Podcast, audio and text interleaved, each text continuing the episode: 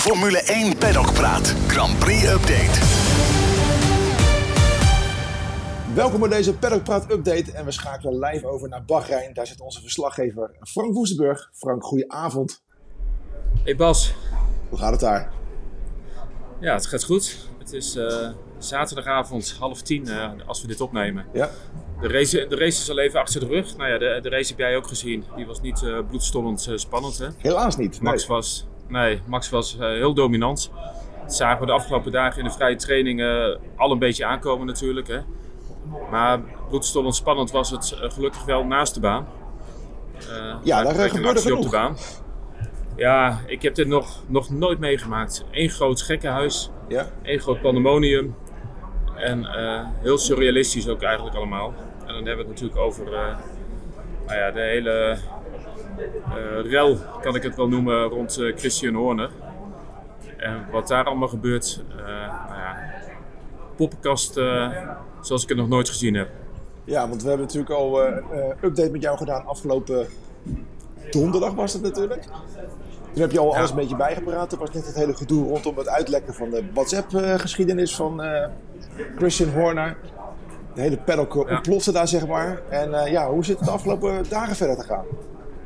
Ja, het is... Uh, ja, woorden schieten tekort. Ja. nou ja, het is, het is zo raar wat er allemaal gebeurt. kijk, Christian Horner, die die voelde zich natuurlijk heel erg opgelaten. Het gebeurde natuurlijk ook op de dag dat notabene zijn vrouw uh, landde ja. in Bahrein. Dus die werd er ook door, uh, door overvallen. En uh, nou ja, hij, hij, wilde natuurlijk niet reageren. Maar ik zal even teruggaan naar wat er allemaal precies gebeurde. Donderdag ontplofte het mediacentrum en de hele paddock eigenlijk toen tijdens de tweede, tweede vrije training die mail binnenkwam met, met een link naar het uh, WhatsApp-verkeer van uh, Christian Horner, waar ook wat foto's en de video uh, bij zaten. Ja. ja, en vervolgens gaat iedereen ermee aan de slag. Horner wordt natuurlijk om een reactie gevraagd. Die, die, die weet ook niet wat hem overkomt. En die vlucht natuurlijk het, de hospitality-ruimte van, van Red Bull in. Er wordt natuurlijk ook meteen volop gespeculeerd over wie heeft die mail gestuurd. Ja. Wie is de mol? Nou ja, daar, daar, daar allerlei namen circuleren. Uh, dus daar, ja, iedereen praat met elkaar van, heb jij wat gehoord? Heb jij iemand gezien? Ja. Uh, wat denk jij? Uh, dus het is één groot politiek spel. En ja, de vraag is dan ook natuurlijk, wat betekent het voor het team? Hè? Ja. kan Christian Horner, kan die, kan die aanblijven los van, hij is natuurlijk vrijgesproken in het interne onderzoek van Red Bull. Maar ja, uit het WhatsApp-verkeer wat, wat in die mails had, waarvan nog niet onomstotelijk bewezen is dat het echt is. Ja. Maar het heeft er wel alle schijn van. Ja, daar blijkt toch iets heel anders. Hè? Er blijkt toch wel dat, dat er sprake is van seksueel grensoverschrijdend gedrag. Er zit zelfs een foto bij die, die daarop duidt. ja, dan is de vraag van, kan hij, kan hij wel aanblijven? Is hij überhaupt nog wel geloofwaardig? En ja, dus daar ga je dan ook mee, mee aan de slag. Hè? Je gaat reacties vragen van, nou ja, via en FOM allereerst, hè, als, als de governing bodies. Nou, die houden zich in eerste instantie nog op de vlakte. Maar een dag later hebben ze natuurlijk wel een onderhoud gehad met, met Horner. Ja. Van, over, de, over de toedracht. Nou ja, blijkt een beetje, en dat verbaast ook niemand hier, dat, dat zowel VIA als FOM de vingers er niet aan willen branden. Wat, wat ja, ook wel weer een beetje lafjes is, maar ja, dat heb je vaker met, met sportorganisaties natuurlijk. Ja, en ondertussen gaat Max Verstappen, die rijdt gewoon zijn rondjes en die doet alsof er niks aan de hand is. En hoe? Ik heb net een, ja, en hoe ja. Ik, heb, ik vind dat ongelooflijk knap, want hij wordt natuurlijk ook ermee lastiggevallen. Hij heeft er ook last van. En, uh, maar ja, hij blijft heel stoïcijns. Zo kennen hem natuurlijk ook wel een beetje, maar maakt het niet minder knap.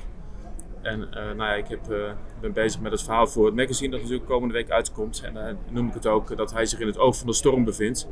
Want alles om hem heen is, is gek en is met andere zaken bezig. En hij zit in die auto en hij geeft gas en pakt pole position en wint de race. Maar ja, wat er ook nog gebeurt. Kijk, Horner probeert natuurlijk te redden wat er te redden valt. Hè? Ja. En die heeft dan zijn vriendjes in de paddock. En dat zijn vooral vriendjes van de Britse media. Dus dan zie je alle, allemaal onderrondjes ontstaan. Dat zie je overal, zeg maar, in, de, in het mediacenter, ja, buiten in de paddock. Ja, en de, de mensen van de, de cameraploegen, maar ook van Netflix, die duiken overal bovenop. Dus overal hangen, hangen hengels van die microfoontjes ja. boven, boven hoofden. En wat er dan bijvoorbeeld vanochtend gebeurde, iedereen wist dat de vrouw van uh, van Horner in Bahrein was. Die hebben natuurlijk een goed gesprek gehad. Maar de vraag was een beetje van ja, komt zij nog naar de paddock en hoe gaat het dan? Nou, ze kwam naar de paddock. Sterker nog, Manlief stond erop te wachten bij de poort. Ja. En hand in hand liepen ze naar de hospitality units met allemaal cameramensen en fotografen erachteraan. En uh, nou ja, uh, vriendelijk lachend allemaal naar elkaar natuurlijk. Hè, van, uh, of tenminste Horner naar zijn vrouw. Ja, alsof er niks aan alsof er niks aan hand inderdaad. Maar ik zag wel beelden Ja. langskomen dat het één groot gekkenhuis was. Echt één groot mierennest. Iedereen dook erop. Het was eh, gek. Ja, en dan, dan, dan geven ze daar op het, eh, het terras, begroeten ze iedereen en dan eh, eh, zoenen, omhelzingen. En nou ja, het is allemaal een beetje nou de schone schijn, zeg maar. En vervolgens gaat hij natuurlijk weer gewoon aan de pitmuur zitten en dan begint de race. Maar ja, goed, je, je weet natuurlijk dat er in zijn hoofd dat er natuurlijk allerlei andere dingen spelen. Ja. En we hebben het in het verleden ook wel eens gehad over de interne machtsstrijd bij, bij Red Bull. hè. Ja. Na het overlijden van Dietrich Mateschitz is er eigenlijk een soort van machtsvacuum ontstaan. Eh, eh, veel mensen vinden dat ook eh, Horner in de nieuwe situatie te veel macht heeft, of aan te veel touwtjes trekt. Dus hij is ook daar niet even geliefd. En, maar goed, dan weet je dat er intern een hoop gedoe is. Hè? Ook de, de verhoudingen tussen Marco en Christian Horner staat natuurlijk een beetje, is niet al te best. Nee. Tussen Horner en eh, Jos Verstappen is niet al te best. En dan eh, al die mensen, die treffen elkaar dan op het terras voor de hospitality bij Red Bull. Want de, de, de nieuwe CEO van Red Bull is er, de Thaise eigenaar van Red Bull is er, Ja. eh, Kamp Verstappen is er, Horner is er en zijn echtgenote. En eh Helmut Marko uiteraard. En ze doen allemaal alsof er niks aan de hand is. Terwijl je weet, er Ja. borrelt van alles. Het is allemaal schone Ja. schijn. Het is, Ja, maar ja, het belangrijkste is natuurlijk, want we, God, we hebben het over Formule 1 en dus over de sport en over Max Verstappen, is natuurlijk dat die, die hele toestand, dat het, eh, nou ja, toepasselijk misschien, maar dat er geen zand in de motor eh, eh, belandt. Hè? mooi gezegd. Ja, dank je, Bahrein, Ja. Ja, nou ja, op de korte termijn zal er niet zoveel gebeuren. Hè. Dat zei Max ook. De, de, de auto is gebouwd, die is goed. Iedereen weet wat hij moet doen. Ja. Alleen, alleen op de lange termijn, ja, of, of Horner nou blijft of niet, weet je, de, de persoonlijke verhoudingen staan op scherp. Ja. Eh, vertrouwen mensen elkaar nog wel? Eh, als Horner weg zou gaan bijvoorbeeld, gaat hij dan alleen weg? Of gaan, eh, trekken andere mensen, ver- verklaren die zich solidair met Horner? Ja. Er is ge- gespeculeerd dat Adrian Newey in dat, dat geval, de ontwerper van de auto, dat hij in dat geval ook mogelijk zou vertrekken. Dat hoorde ik ook inderdaad. Ja, kan, zomaar dus zo'n klein akkefietje kan het een heel groot vliegwiel in, in, in werking gaan zetten. Waardoor het hele team... Ja, ja, dus het heeft heel veel eh, overeenkomsten met de affaire eh, Overmars bij Ajax eigenlijk. Hè? Ja, Ging het ook om appjes, dan met een, met een dickpic natuurlijk. ja. Maar uiteindelijk heeft het die hele, eh, die, die foto heeft eigenlijk de hele club aan de rand van de afgrond Ja. gebracht. hè. We weten allemaal wat er met Ajax gebeurd is. En je hoopt niet dat het ook met Red Bull gaat gebeuren Nee. natuurlijk. En, oh ja, en wat ik nog vergat te benoemen, dat is natuurlijk ook nog een, een bijkomend probleem. Alle sponsors en partners van Red Bull, die zijn hier natuurlijk ook niet blij mee. Eh, eh, zeker in deze tijd, hè, met, eh, waarin alles onder het vergrootglas ligt. En hebben bedrijven natuurlijk, ja, die zijn angstig voor reputatieschade. Ja. Die, die, willen niet dit soort, dit soort rommel en rotzooi aan hun bedrijf gekoppeld hebben. Nee, ja, Dus, dat is al, ja. alleen maar los van Red Bull. Je hebt ook te maken met andere partijen zoals Ford, Oracle, de grote sponsoren. Ja. Ja, Ja, en die hebben zich allemaal, nou ja, onderwerkend heeft de CEO van Ford er laatst al iets over geroepen. Hè? Ja. Dat hij gefrustreerd was over eh, hoe het allemaal ging. Want, eh, veel partijen hebben namelijk ook wel een beetje de indruk dat Red Bull met de uitkomsten van het interne onderzoek de boel onder het eh, tapijt probeerde te vegen. Maar ook andere partijen off the record laten weten dat ze er absoluut niet blij mee zijn. En dat dit een gespreksonderwerp is in de, in de boardrooms. Ja, en je wil natuurlijk niet dat, dat sponsors of eh, dit soort partijen gaan weglopen. nee, En als ze weglopen, ja, dan gaan, gaan ze niet de sport uit, maar dan gaan ze misschien een deurtje verder hè, naar Mercedes, McLaren. ja. En eh, ja, nou goed, die teams die zitten natuurlijk op het vinkentouw en die, die, die proberen natuurlijk de boel nog even extra eh, op te stoken. We zagen het al van En- Wolf en van, en van Brown, Ja. die ik al zei. Er moet meer openheid komen, we willen meer informatie. Ja. En, Ja, ja, enerzijds natuurlijk omdat ze natuurlijk ook wat meer informatie hebben en al een beetje weten wat er aan de hand is. Anderzijds ook omdat ze natuurlijk alles doen om, om een concurrerend team te, te destabiliseren. ja. En dat, en dat kan je ze niet kwalijk nemen, want Red Bull zou dat in de, in de omgekeerde situatie hetzelfde doen. Alleen het geeft wel aan hoe complex deze situatie is en ook hoe potentieel gevaarlijk het is voor, eh, voor Red Bull en, en dus ook voor Max. Ja. Dus, genoeg om over te schrijven. Ja. Maar, ja, hele, heel bijzonder weekend moet ik zeggen. Ja, en het is ja, bijzonder ook ook, meegemaakt. normaal met de eerste race gaat alles over hoe zijn de nieuwe verhoudingen en dat soort dingen. Maar dat is eigenlijk allemaal bijna Ja. bijzaak geworden. Van, oh ja, Max Ja. heeft ook nog gewonnen. Maar eigenlijk heeft iedereen het alleen maar over... Ook, ook als je, het was wel grappig. Ah, Als je de paddock hier voor je ziet, dan heb je aan het begin heb je dan eh, het mediacentrum. En dan, eh, dan, dan heb je die hele rij met hospitality units. Nou, eh, Red Bull is als wereldkampioen, heeft het eerste huisje, zeg maar. Maar dus tussen het mediacentrum en Red Bull, ja, daar was het een drukte van belang. Daar stonden alle cameraploegen en fotografen en journalisten en allerlei andere mensen die eromheen hangen. Ja.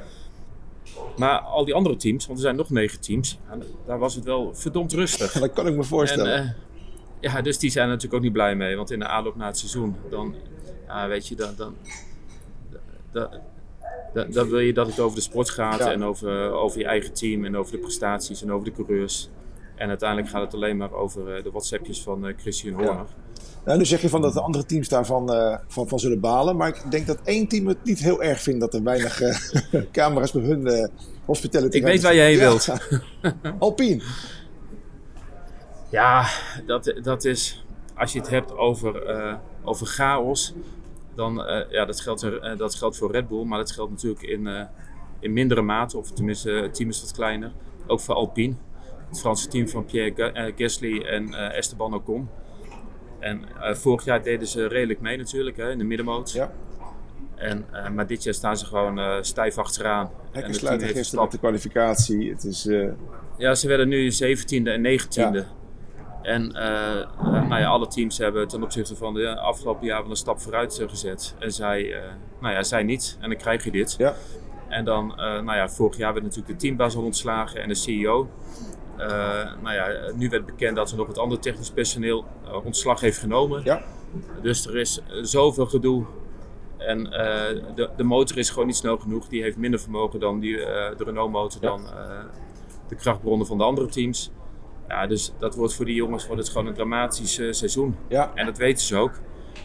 Dus ja, ik, na de race ben ik even, heb ik even gewacht op eh, Ocon en, en Gasly. Oh, vertel. En eh, ja, dat is op zich wel grappig, want eh, het duurde even voordat ze, eh, voordat ze kwamen. Niet alleen omdat ze achteraan reden, maar gewoon ook omdat andere coureurs hebben dan voorrang en dan moest je wachten. Ja. Dus het was niet zo heel druk meer. En Ocon die kwam aanlopen hè, en die vroeg zo een beetje sarcastisch van... heb je me nog wel nodig? Of wil je me nog wel wat vragen? Nee, Dus, echt. ja, ja ze, ze kennen de situatie. Ja. Ze weten dat er op korte termijn dat ze gewoon achteraan gaan rijden. En eh, dat er geen eer aan te behalen valt. En dat is natuurlijk best zuur voor tw- twee getalenteerde rijders. Hè? Ja, zeker. Die, eh, die goed te boek staan. Die, eh, die ook ambities hebben. Ja, en dan zit je toch ja, bij een team waar het gewoon chaos troef is. Ja. En dat is eigenlijk al jaren bij dat team. Hè. Het is echt met de Franse slag. En ja, als, ze, als, ze die, als ze niet een keer aan die structuren gaan sleutelen en gewoon goede mensen aannemen en, en de processen wat gaan stroomlijnen, dan, ja, dan, wordt het, dan wordt het nooit iets. Dan kunnen ze net zo goed ophouden. Of eh, die suggestie is eerder gedaan, eh, gedaan door eh, Helmut Marko. Of ze kunnen het team eigenlijk gewoon te koop zetten en verkopen aan Andretti. Ja, Andretti wil heel graag Want- meedoen. Er is geen plek. Ja, en als je kijkt Nee. hoe dit team er de laatste jaren inderdaad al mee... mee ja, ook Ja. vorig jaar ging wel redelijk, maar dit jaar ja. Ja, nou ja, ja daarom. Dit wordt een dramatisch jaar voor dat team. En eh, ja, goed, ze, ze blijven natuurlijk in de Formule 1, ook omdat Renault eraan verbonden is. En Ja. eh, Formule 1 is er natuurlijk ook veel aan gelegen om eh, Renault in de Formule 1 te houden. Maar het is hoe het verder moet, dat, dat weet niemand daar. Nee. Dus nou, ja, we gaan het zien. En verder, ja, we hebben natuurlijk de deadline van ons magazine. Die, we zeggen morgen, maar het is zaterdag gelukkig. We hebben een dag extra. Lang leven het dat- opgeschoven weekend. ja, ja, dat is lekker. Ja, Welke Nou, ik, verhalen ga je nog verder schrijven? Ja, ik ben eh, bezig met eh, Alpine dus. Ja. Eh, bezig met het hele Max Verstappen verhaal en alles wat er omheen gebeurd is. En, en, en nog wat andere mensen die ik erover heb gesproken. En ja, goed, verder moet ik... het is nu laat in de avond. Ik, ik ga straks van het circuit naar het hotel. Dan staat het hier nog ram vast, het verkeer, omdat er nog concerten zijn en een ander programma. dus dat gaat ja. even duren. Dus dan, eh, dan, daar ben ik dan na middernacht en dan ga ik mijn spullen pakken. En dan ga ik op tijd naar het vliegveld. En dan vlieg ik via een omweg, want we moeten naar de kosten kijken. Dus met een overstap eh, ergens ver weg. Met een lange, lange overstaptijd vlieg ik terug naar Nederland. En dan, als, ja, goed, tussendoor eh, rond ik de verhalen af. Ja, En dan hebben we, zoals jij weet, hebben we maandag de deadline van het magazine. En donderdag of woensdag liggen we al in de winkel. ja En, zeker. Dus da- dan is het seizoen begonnen. Eindelijk. Het heeft even geduurd, Ja, en ik maar wil- eh, Ja, en ik moet, wel, ik moet toch ook wel zeggen van... eh, eh, ah, ge- geschrokken wil ik niet zeggen. Maar je hoopt natuurlijk altijd dat het wat dichter bij elkaar zit. Hè, dat het veld een beetje in elkaar schuift. ten opzichte van een jaar geleden toen Red Bull 21 van de 22 races won Ja. en Max 19e daarvan. Ja, dan, dan hoop je dat de overmacht, niet voor Max, maar wel weet je, voor, de, voor de spanning in het kampioenschap, dat, het, dat de verschillen wat kleiner zijn. En ja, daar lijkt het dus niet op. Hè. alleen maar groter lijkt het. Het is echt... eh, Ja, Bijna ja. elke ronde ging dit, dat gat met groter en groter. Een halve seconde, een seconde. Het bleef Ja, maar en, groeien. En- En hij is natuurlijk dan ook nog zijn banden aan het managen. Ja. En dus eh, er was dus echt helemaal niks aan de hand. En nou ja, dat is prima als het één of twee of drie keer gebeurt. Maar je hoopt niet dat, eh, dat het seizoen net zo gaat lopen als vorig jaar. En dat het al heel vroeg beslist is. ja, want dan wordt het een heel lang seizoen. Letterlijk en Ja, maar, figuurlijk. gelu- ja, maar gelukkig hebben we Horner. Die zorgt wel voor spanning in het kampioenschap. Op een heel andere Op manier. een andere manier, Hij- ja.